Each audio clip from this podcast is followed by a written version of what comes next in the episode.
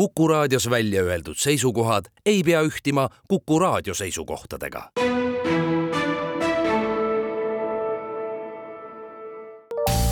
terviseks. saade valmib koostöös Ida-Tallinna Keskhaiglaga.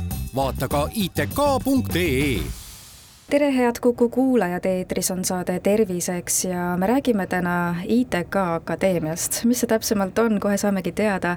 mina olen Ingela Virkus ja koos minuga on stuudios Ida-Tallinna Keskhaigla juhatuse liige, õendusjuht Kätlin Palla. tere! ning ITK Akadeemia eestvedaja Kristin Lihtvelt. tere! mida siis kujutab endast ITK ehk Ida-Tallinna Keskhaigla Akadeemia? Ida-Tallinna Keskhaigla üheks äh, põhiväärtuseks on professionaalsus. Ja see tähendab muuhulgas ka seda, et äh, oleme õppiv ja õpetav organisatsioon. ja ühelt poolt me peame väga oluliseks enesetäiendust, äh, aga teisalt ka seda, kuidas neid oma teadmisi ja kogemusi jagada.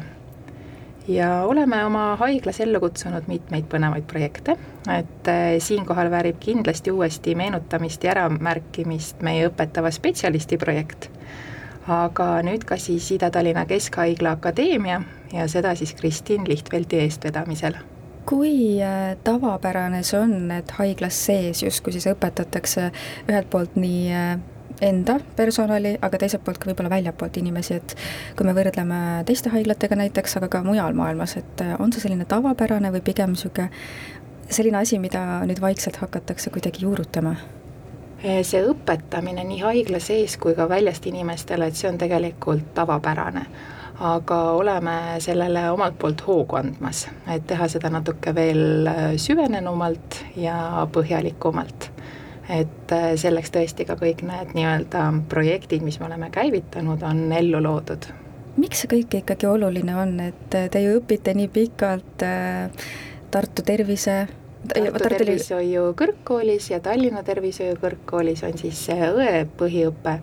Ja tõesti, tegelikult äh, need õppekavad on väga põhjalikud ja õppimine seal on äh, pikk ja kestev protsess, aga midagi ei ole teha, tervishoid on see koht, kus äh, asjad muutuvad väga kiiresti, see pidev, pidev kursis olek uuendustega, ta on tõesti selline, et oled küll ära õppinud, aga see elukestev õpe, et äh, see käib alati siin kaasas mõni aeg tagasi siinsamas saates me rääkisime õpetava spetsialisti projektist, et äh, kuidas need kaks teineteisest erinevad?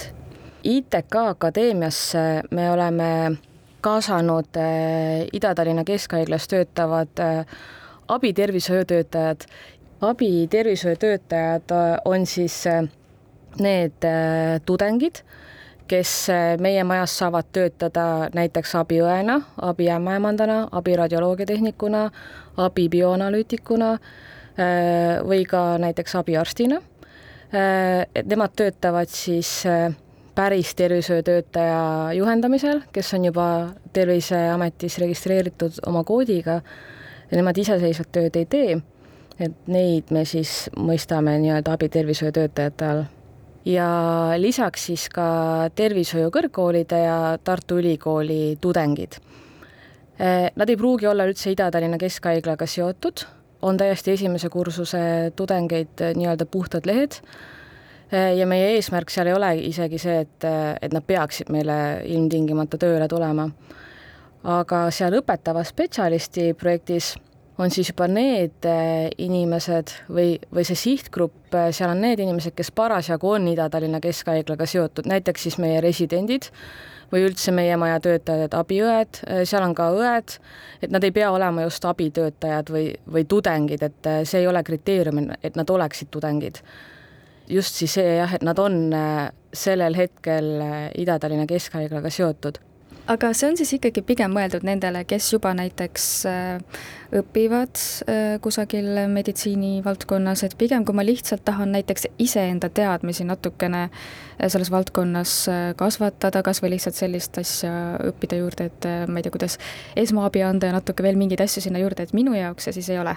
me praegu sellel aastal tõepoolest oleme kaasanud ainult hetkel õppivad tudengid ja meie majas juba töötavad abitervishoiutöötajad ja natuke on selle mõte ka see, et tekitada sellist mõnusat kogukonnatunnet. kuidas äh, ITK Akadeemiasse saab? me oleme hetkel seda infot levitanud erinevatel avatud ustepäevadel lisaks äh, on info kõikidel meie majas hetkel töötavatel tervishoiu, abitervishoiutöötajatel, tudengitel ja ma pean ütlema ka seda, et hea asi tegelikult levib ka nii-öelda äh, suust suhu selles mõttes, et väga palju on ka selliseid liitujaid, kes ongi tulnud äh, kursakaaslase või äh, sõbra soovitusel. kui äh, palju teil praegu akadeemias inimesi on? sada sada. kas on, olete kõik vastu võtnud või on ikkagi nagu väike selline sõelumine olnud ka äh,? väike sõelumine jah, on, äh, et meie kriteerium praegu on see, et nad oleksid tervishoiuvaldkonna tudengid või meie majas töötavad äh, abitervishoiutöötajad.